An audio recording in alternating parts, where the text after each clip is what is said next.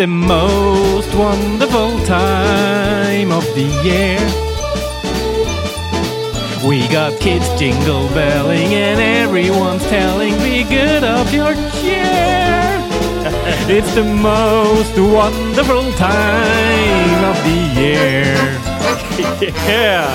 It's Hjertelig velkommen. Hysj! Det, det hold. Hjertelig velkommen til Norske informasjonsrådgivere, siste sending for 2014.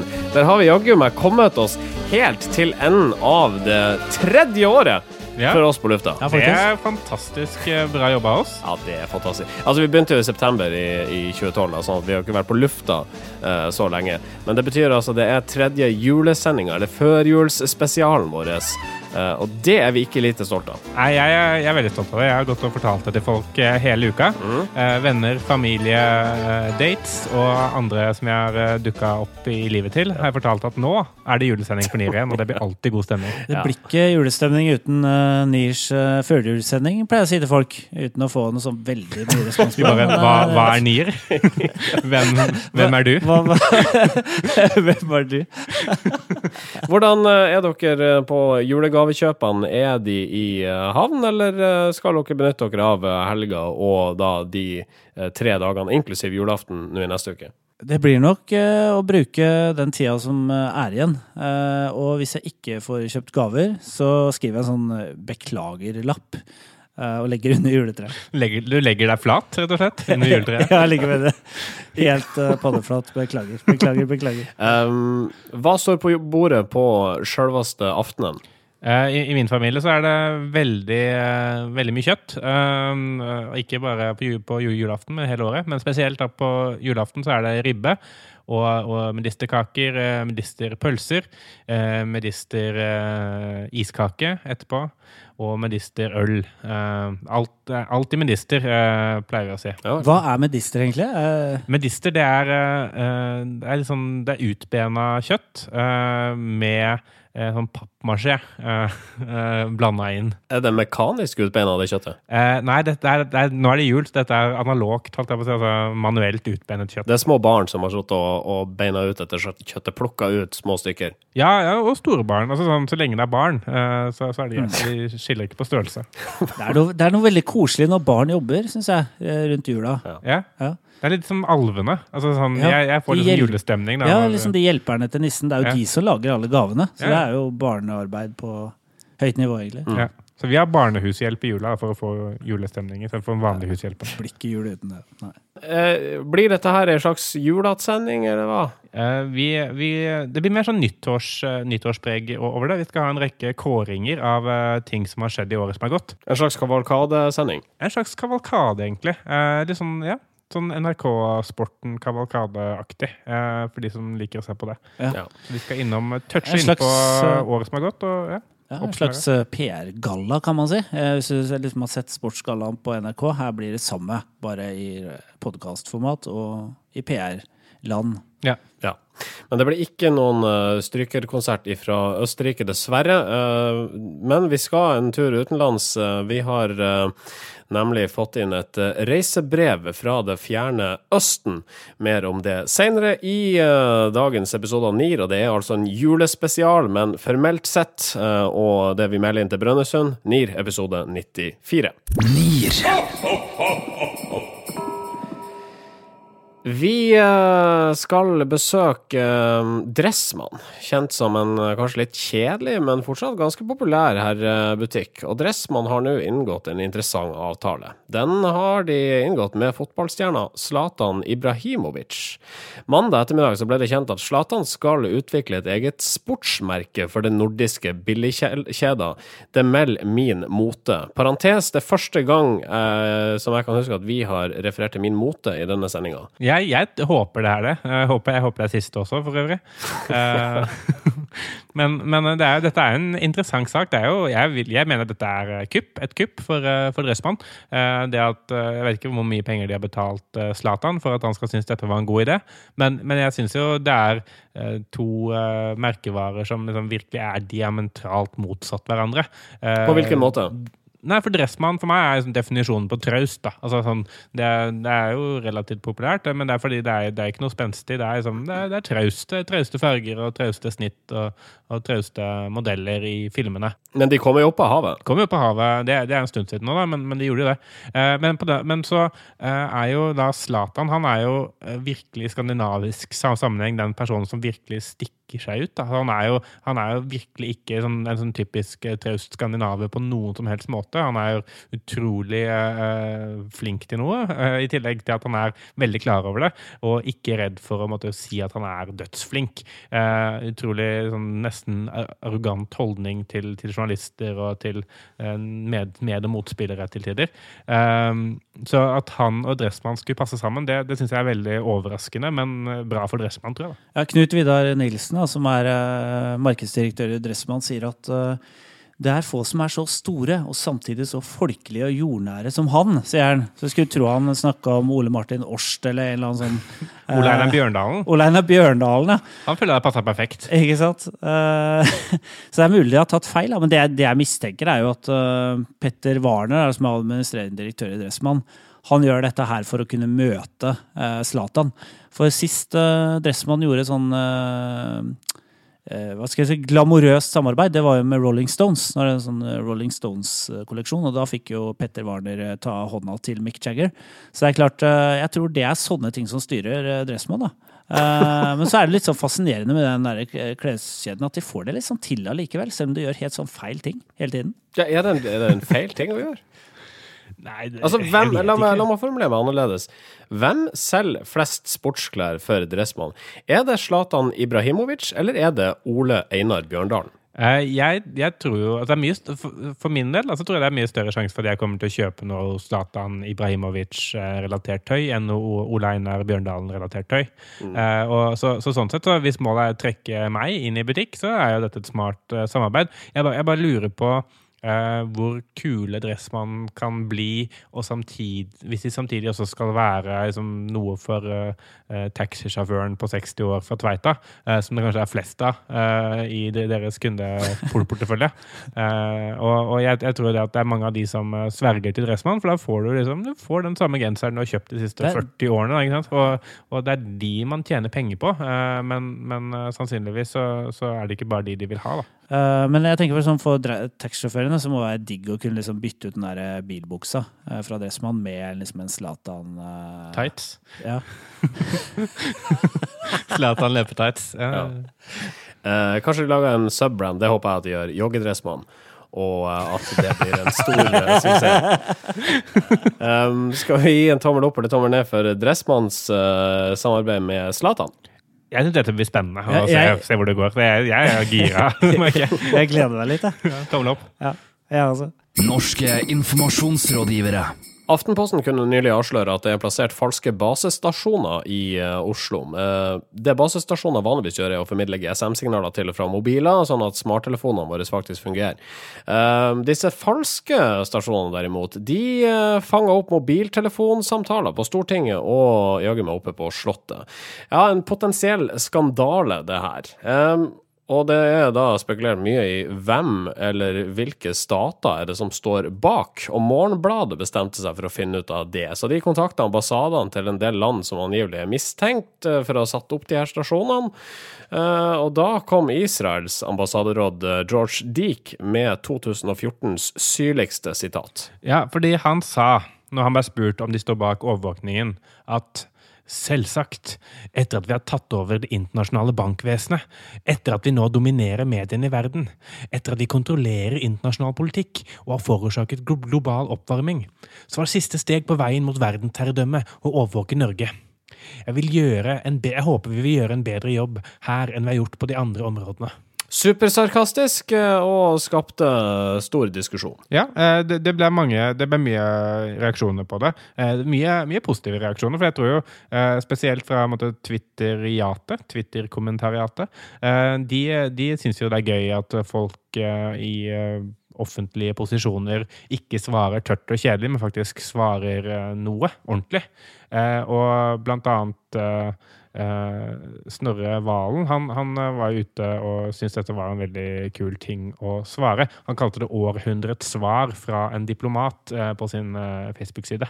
Jeg syns det var litt genialt gjort òg, for det er et eller annet med eh, det er sånn eh, Israel må svare for å kunne bli tatt på alvor, eh, på en måte. Eh, Det liksom Det blir gjerne De får ganske mye tyn da, i løpet av et år.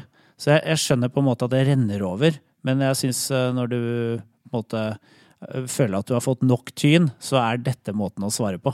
Det, det, det er veldig mange som, som har en mening om Israel. altså Det er, det er veldig få nøytrale da, til staten Israel. Enten så, så støtter du dem veldig, eller så hater du dem eh, intenst. Eh, og så er det sånn at Dette svaret her er jo egentlig da sett litt i lys av det. For de som støtter Israel, de vil jo tenke at dette var en kul, morsom, smart måte å svare på.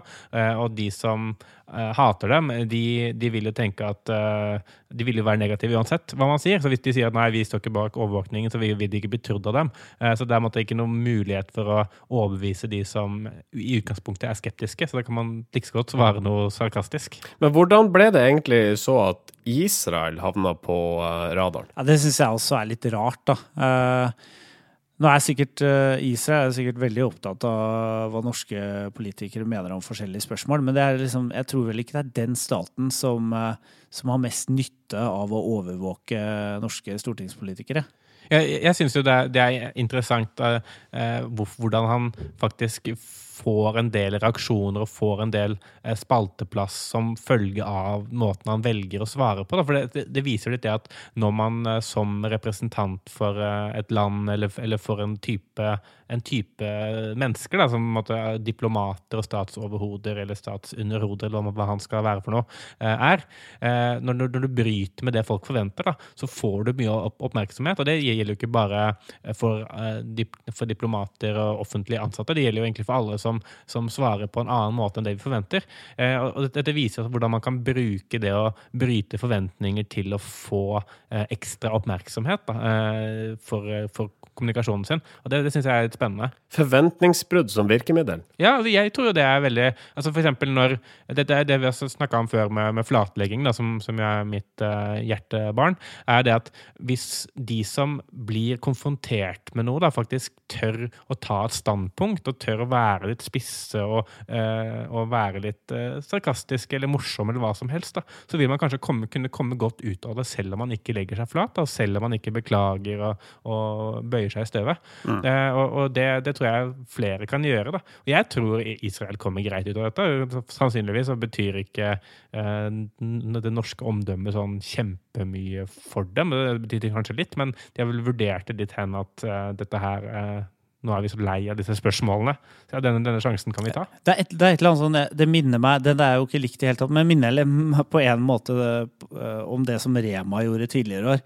Men liksom det her med å overdramatisere, eller på en måte Ja. legg, smøre på, da, når man blir, eh, når man har gjort noe, eller blir anklaga for å kanskje ha gjort noe galt. At man sier eh, nei, vi har ikke bare gjort det, men vi har gjort noe mye verre. Vi står bak global oppvarming. Visste du forresten at bomba i Hiroshima egentlig var oss uh, i 1945? Altså, man kan liksom dra den så langt da, at det bare Ja, det var kanskje litt urimelig å spørre om. Det dro ikke Israels ambassadør eh, George George Dikte så langt, men uh, vi uh, prøver oss på en tommel opp eller tommel ned for eh, 2014s mest sarkastiske svar. Ja, det er tommel opp. Tommel opp. Og Da skal vi over til eh, et segment i sendinga der vi skal gjøre en del eh, kåringer. Dette er da den kavalkaden som ble referert til innledningsvis. Og vi må holde litt i denne saken med ambassaderåden til Israel og det syrlige svaret. For eh, den første, den første prisen vi skal dele ut i denne sendinga her, det er prisen for årets skikk og bruk-ekspert.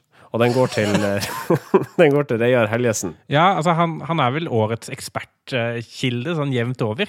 Eh, fordi eh, For å kommentere det, det Dek eh, Lik eh, sa eh, til pressen, så har de altså kontakta Reidar Helgesen. Og han er eh, rett og slett ekspert i skikk og bruk. Og han mener at dette er et svar som er utypisk for eh, ambassadører og folk som jobber i ambassaden. Jeg har så mange spørsmål her. Hvordan blir du en ekspert på skikk og bruk, for eh, det første? Nei, hvis vi ser på Wikipedia, så er jo Reidar Hellesen eh, tidligere lokalpolitiker og rikspolitiker. Han er foredragsholder, journalist, selvstendig næringsdrivende og fektetrener. Så med den kombinasjonen, med å ha gjort veldig mye forskjellig, pluss liksom kan være en garde-type Ja. Ja, den, den type kutyme man har innenfor fekting, da kan man eh, skikk og bruk. Ja, fordi altså, VG de, de henviser ikke noe mer til han annet enn at han sier han er ekspert på skikk og bruk. Ikke noe mer enn hvorfor han uttaler seg. Eh, og de sier heller ikke om han er best på skikk eller bruk. Eh, Ja, faktisk mest på skikk. Ikke så veldig mye bruk, men uh, siden 2010 også en del bruk. jeg har spesialisert meg på skikk, men jeg, jeg kan også uttale meg om bruk. Han, uh, ut, her uttalte han seg om skikk, da. Eh, Og ble veldig overraska over bruk. Sånn at eh, det er nok skikk han er Ja, best for dette, dette bryter med skikken, eh, denne bruken. Ja, det, denne bruken er helt annerledes enn skikk. Bryter med, også med bruken, spurte VGs journalist. Jeg hører du spør om bruk. Nå har jeg sagt, jeg sa det før vi startet intervjuet. Bruk er ikke min sterke side. Jeg er best på skikk. Men som du spør, så skal du få svar. Ja, det er også en brudd på bruk. Hvis du vil ha mer eh, in info om bruk, så, så anbefaler jeg at du kontakter min fetter. Hans Petter eh, Helgesen. Ja, eller du kan gå inn på nettstedet vårt, eh, bruk.no. Eh, eh, og eh, det andre Altså det andre som slår meg, det er jo det at eh, altså, han kunne like gjerne ha signert den uttalelsen med Captain Obvious. Altså det er jo eh, han, han slår jo ikke akkurat inn noen låste dører her. Nei, det, dette er den åpneste døra også i 2014. sannsynligvis. Det var, Inn og skikk og bruk-døra gikk vi. Der fikk vi svar. Hilsen Reidar Helgesen. Eh, vi må gjøre tilkåring her. Uh, vi har ikke jingla til alt det her, for jeg visste ikke det før vi, at vi skulle ha de her kåringene før vi begynte å ta opp. Uh, så det får nå bare være. Uh, men vi skal over til årets dårligste markedsføringsstunt. det skal vi. For når Apple lanserte sin nye iPhone, så eh, hadde de med seg U2 på laget. Dette joviale, eh, relativt populære bandet som eh, lager radiovennlig rock for, for Gud og hvermann. Men det de gjorde som var litt spesielt her, det var jo egentlig å tvangsinstallere det nye U2-albumet på alle iPhoner i hele verden eh, via iTunes. Eh, sånn at eh, Dette var jo en helt ny måte å lansere en plate på. Eh, men det å tvinge liksom eh, en plate ned i halsen eh, på folk eh, som kanskje ikke liker U2, det funka dårlig. Så Apple måtte rett og slett opprette en egen FAQ-seksjon på nettsidene om hvordan man kunne tvangs- eller avinstallere U2 sitt nye album. Ja, og, det, det, den, den FAQ-en hadde sånn seks steg eller noe sånt. Altså den, var, den, var, eh, den var ganske lang. Eh, og jeg vil jo tro at dette er noe av det minst vellykka som er gjort eh, i 2014, helt og innenfor alle sjangre, men spesielt av markedsføring. Årets verste nye nettsted er Bussit, står det i sendeplanen min. Hvorfor det? Ja, det er, det, er, det er faen meg bare å gratulere. Jeg føler eh, det Bussit har gjort med norsk internettflora i år, det er å trekke det ned ti hakk. Jeg føler, det, det nettstedet det er, som, det er fordummende. Og det er eh, altså, i, I tillegg da, så, så, så har mye av det stoffet de har hatt, ikke vært deres eget stoff. Altså, de har bare valgt liksom, dumt stoff fra resten av verden, og så kopiert det, og så blitt tatt på det. Og så blitt tatt på det igjen. Eh, til, til det punktet hvor faktisk at Buzzit i seg selv nesten bare ble et begrep for måte, de som stjeler journalistikk fra andre. Da. Eh, Jeg, jeg synes liksom, Gjennomgående både kvalitet på tekster og bilder, og selv oversettelsen på de sakene de har stjålet, da, har vært helt forferdelig dårlig. Jeg, jeg syns bare Amedia bør trekke pluggen på dette stedet her, og glemme at det har eksistert. Det hadde gjort oss alle en tjeneste. Det er liksom på linje med sånne eh, kids som eh, røyker sigaretter på gata i Bangkok og selger pirat-CD-er. Altså Det er på det nivået her. Altså, det har jo payoffen vært å dele, men det burde vel vært verdt å stjele. Jeg, jeg, jeg, jeg, så en uh, dokumentar eh, forrige uke om en måte, hvordan piratkopiering i, i Kina fungerer. Og der var det sånn helt ned på at eh, til og med nå så er det noe, en, noen virksomheter som har spesialisert seg på å piratkopiere egg. Altså en lage falske egg. Eller, eller eggerøre, da. Eh, og selv det hørtes mer fristende ut for meg. Eh, spise en omelett av sånne falske egg. Tilbringe ett minutt til på buzzit.no. det er jo mye sma det er jo smartere enn det Buzzit har gjort. Ja. På andre enden av skalaen her, altså eh, altså, nå er vi på disse buss-nettstedene, eh, så må vi vel si at uh, Bizbuzz, som vi ja, harselerte noe med, i alle fall på basis av navnet da det ble kjent at det skulle komme, har overraska oss noe. Ja, jeg syns jo, altså, på, tvers, på tross av et teit navn, uh, så, teit så er det Veldig teit navn. Eh, Men så er innholdet der ganske bra. Altså, jeg jeg syns eh, de gjør en ganske god jobb. Jeg er usikker på om innholdet er bra, eller om vi syns navnet var så dårlig at vi hadde så ekstremt lave forventninger. Uh, at, det- at det er sånn Det er passe greit. Ja. Eh, noe av det, i hvert fall. Uh, og, det, og det har plutselig blitt fantastisk. Ja, men det, er, det er i hvert fall det desidert beste innholdet av alle sånne Ja, det er det. delingsnettsteder i Norge. Eh, Det syns jeg Men de er har jo de har journalister som jobber der, tror jeg. Som I motsetning til i Bussit, hvor det sitter sånne folk som er flinke til å klippe inn tekst i Google Translate. Er liksom Og er bare- medium flinke til å klippe inn Ja, tekst. i ja, Google. ja, og så- ja. Og ikke så flinke til eh, å skrive norsk og ja. Det, det, det er andre litt viktige tingene som journalister skal drive med. Ja, greit. Uh, Bussit.no er altså årets verste nye nettsted i hele verden, og vi går videre. Ukas medieinnsalg. Nei da, ikke ukas, men årets medieinnsalg. Igjen, det er dette mankoet på jingler, men eh, årets medieinnsalg, det er det altså eh, Øystein Bonvik, vår tidligere sjef i PR-operatørene, som uh, står for. Han har nemlig skrevet ei bok som heter 'Frist meg inn, ikke inn i ledelse', og den fikk massiv medieoppmerksomhet. Ja, det gjorde han. Han har gjort en fantastisk eh, jobb med å selge inn seg selv som dårlig leder eh, til eh, samtlige av, eh, av Norges redaksjoner, virker det som. Han har fått omtale i 13 saker som vi kan se. Og deriblant i DN, Aftenposten og E24. God morgen, har, Norge. God morgen, Norge, god morgen, Sverige, osv. Ti grunner til ikke å være sjef. Han hatet å være sjef. Hva var det egentlig Øystein uh, gjorde da han var vår sjef? Han hata å være sjef. Ja, Han begynte å planlegge denne boka ganske kjapt. Jeg jeg husker han snakket om, om denne boka her lenge. Eh, og og han, han fant det ut. Og det, det, er, det sier han jo også i, i den boka, at etter to uker eh, i denne sjefsstolen, så fant han ut at det her det burde han ikke gjøre. Men så holdt han ut i noen år til. Da. Eh, Og han fikk måte, mer enn nok stoff til faktisk eh, skrive en eh, bok som har fått ganske god mottakelse. Altså, litt, litt sånn flåsete å si at han er flink til å selge seg selv, men han har jo klart å skape en, en diskusjon om ledelse også. Ikke sant? Om, om er, er det noe å trakte etter for alle? Og er egentlig Hva er det en leders rolle? Og det har kommet mange sånne debatter, sånn biprodukter, på en måte, ut av den eh, boka hans. da. Så, så det er godt jobba, Øystein. Eh, så den, eh, det at du scorer litt lavt på, på empati og ikke er noen flink leder, det har eh, båret frukter. Ja, Det har det. En tommel opp til uh, Bonviken der. Snor, snor, snor, klippe, snor, snor, snor, klippe, snor, snor, snor, klippe, klippe, klippe, klippe, klippe, snor, snor, snor, klippe, Snorklipp nytt. klippe. Ketil Solvik-Olsen han er samferdselsminister og derfor en naturlig gjest i forbindelse med snorklipping på større prosjekter innen sitt fagfelt. Eh, Og Etter to år med anleggsarbeid så kunne Solvik-Olsen omsider offisielt åpne nye E6 fra Minnesund til Stange. Eh, Dette er et av Nordens største byggeprosjekter, så man kan skjønne at det er på sin plass å klippe ei snor, men det var da et eh, skår i gleden her. Ja, det var et lite skår i gleden. eh, For den veistrekningen han klipte klippte snorer på og åpnet her eh, nylig, den var ikke ferdig. Eh, Den er ikke ferdig før til sommeren.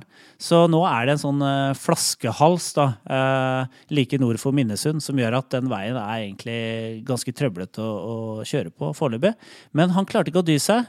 Eh, han, eh, Ketil han har jo blitt samferdselsminister og, og endelig liksom blitt veldig hekta på det her med å klippe snor. Han har klippet over 30 snorer eh, i året som har gått. Eh, Og det er jo ikke verst i seg selv, men han kunne liksom ikke la være å klippe snor denne gangen her. Han, men han sier jo at det er, eh, det er kjipt at det gjenstår noen kilometer, men vi må ære de som har jobbet på strekningen som nå står ferdig. Han står ikke ferdig, Ketil, men eh, eh, Og så sier han at jeg har troen på at resten også står klart snart. Så det er jo interessant hvis man kan klippe snor på noe man tror skal bli ferdig.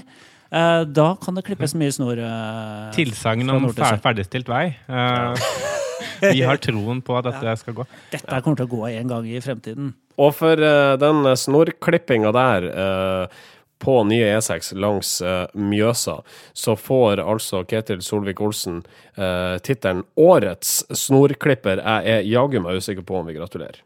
Marketing 3.0. Social business. Cloud computing. Social shopping. Begrepsforvirring. Og da er det årets begrepsforvirring.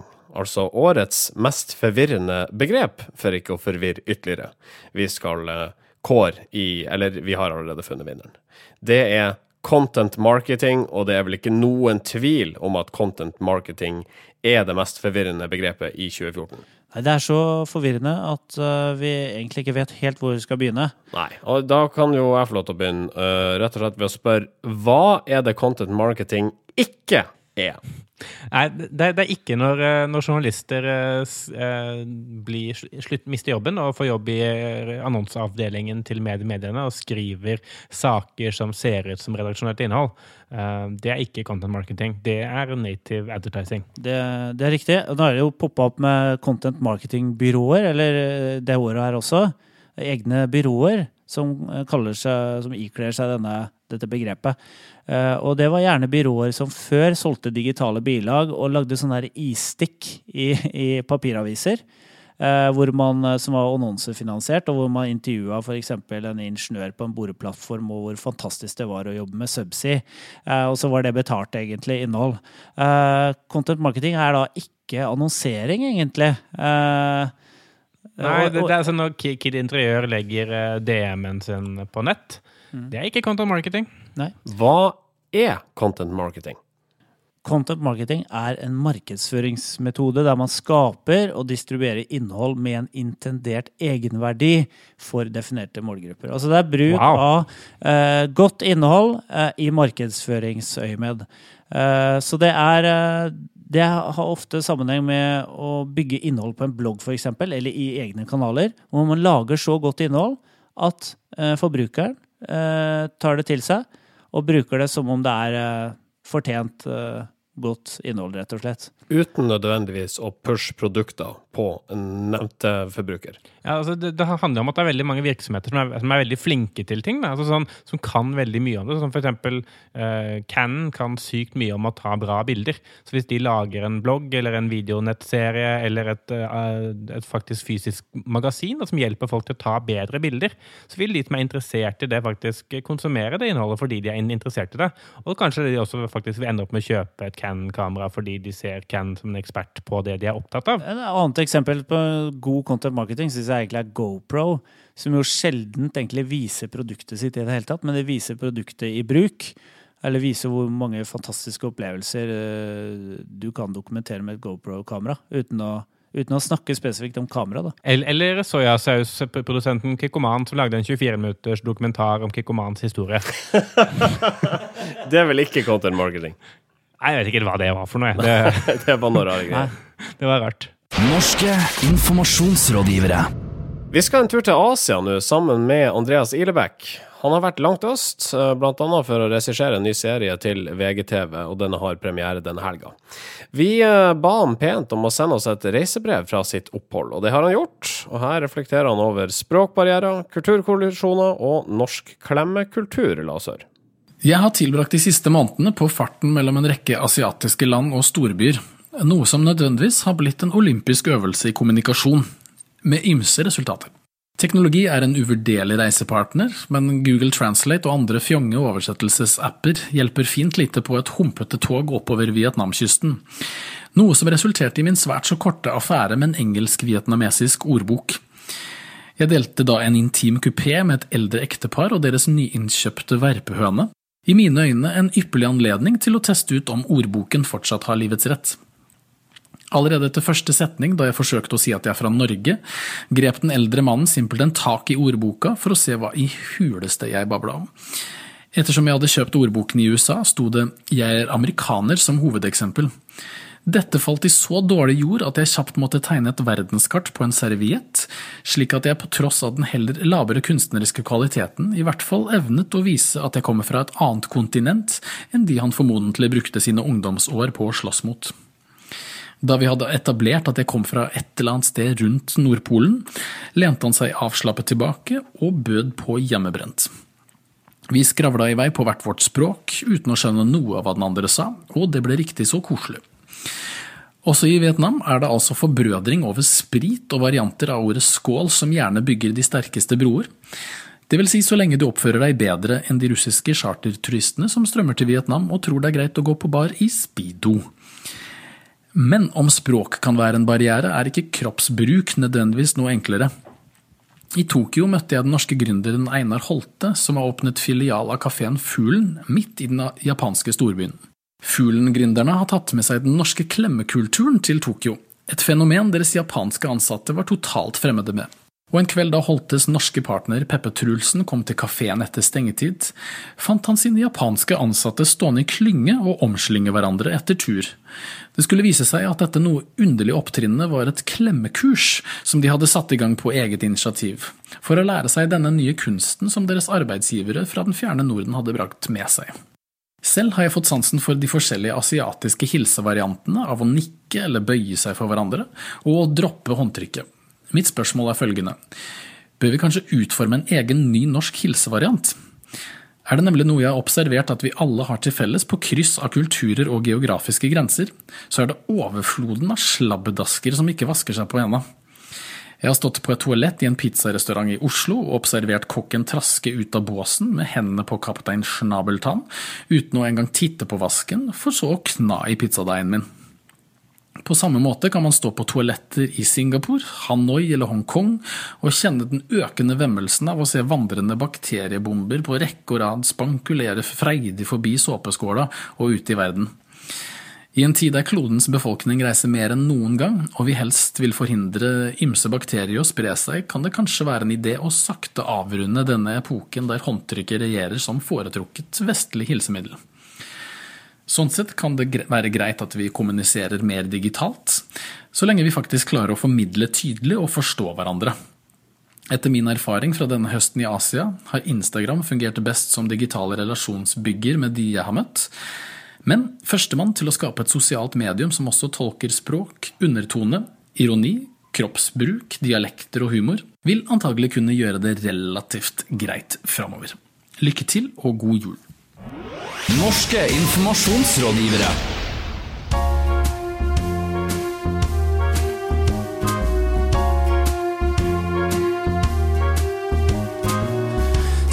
Santa baby, just slip a sable under the tree for me. Been an awful good girl, Santa baby, so hurry down the chimney tonight. Det blir bare bedre og bedre for år for år, du. Santa baby. Jeg, jeg føler det der var den beste versjonen din hittil. Ja, av to. Ja. Av tre. Ja, ja, Det er ja, en tredje. takk, takk for det. Ja, ja. Takk for det. Ja. For de, de som vil høre hvordan det har hørtes ut før, så kan dere gå tilbake i arkivet og høre tidligere nyere julespesialer. Eh, Høre Sindre i fri, fri utfoldelse i sensuell julesang. Var ikke så eh, kastrert denne gangen Nei. eh, som sist. Nei. Nei, det var litt mer maskulint denne gangen. Ja, det, det var det. Jeg prøvde å være litt sånn forførerisk her. Eh, Det syns jeg. Kan jeg skrive under på. ja, tusen takk. Du, Så var Marit Storkelsen Ja. sitter og skjelver i beina akkurat nå. ja, han sitter jo rett over her. Jeg ser jo at han skjelver. Ukas kudos. Og kudosen uh, i eh, årets siste sending, den går til julenissen. Uh, og i juryens begrunnelse så heter det at den går til ham for hans utrettelige innsats i julestria.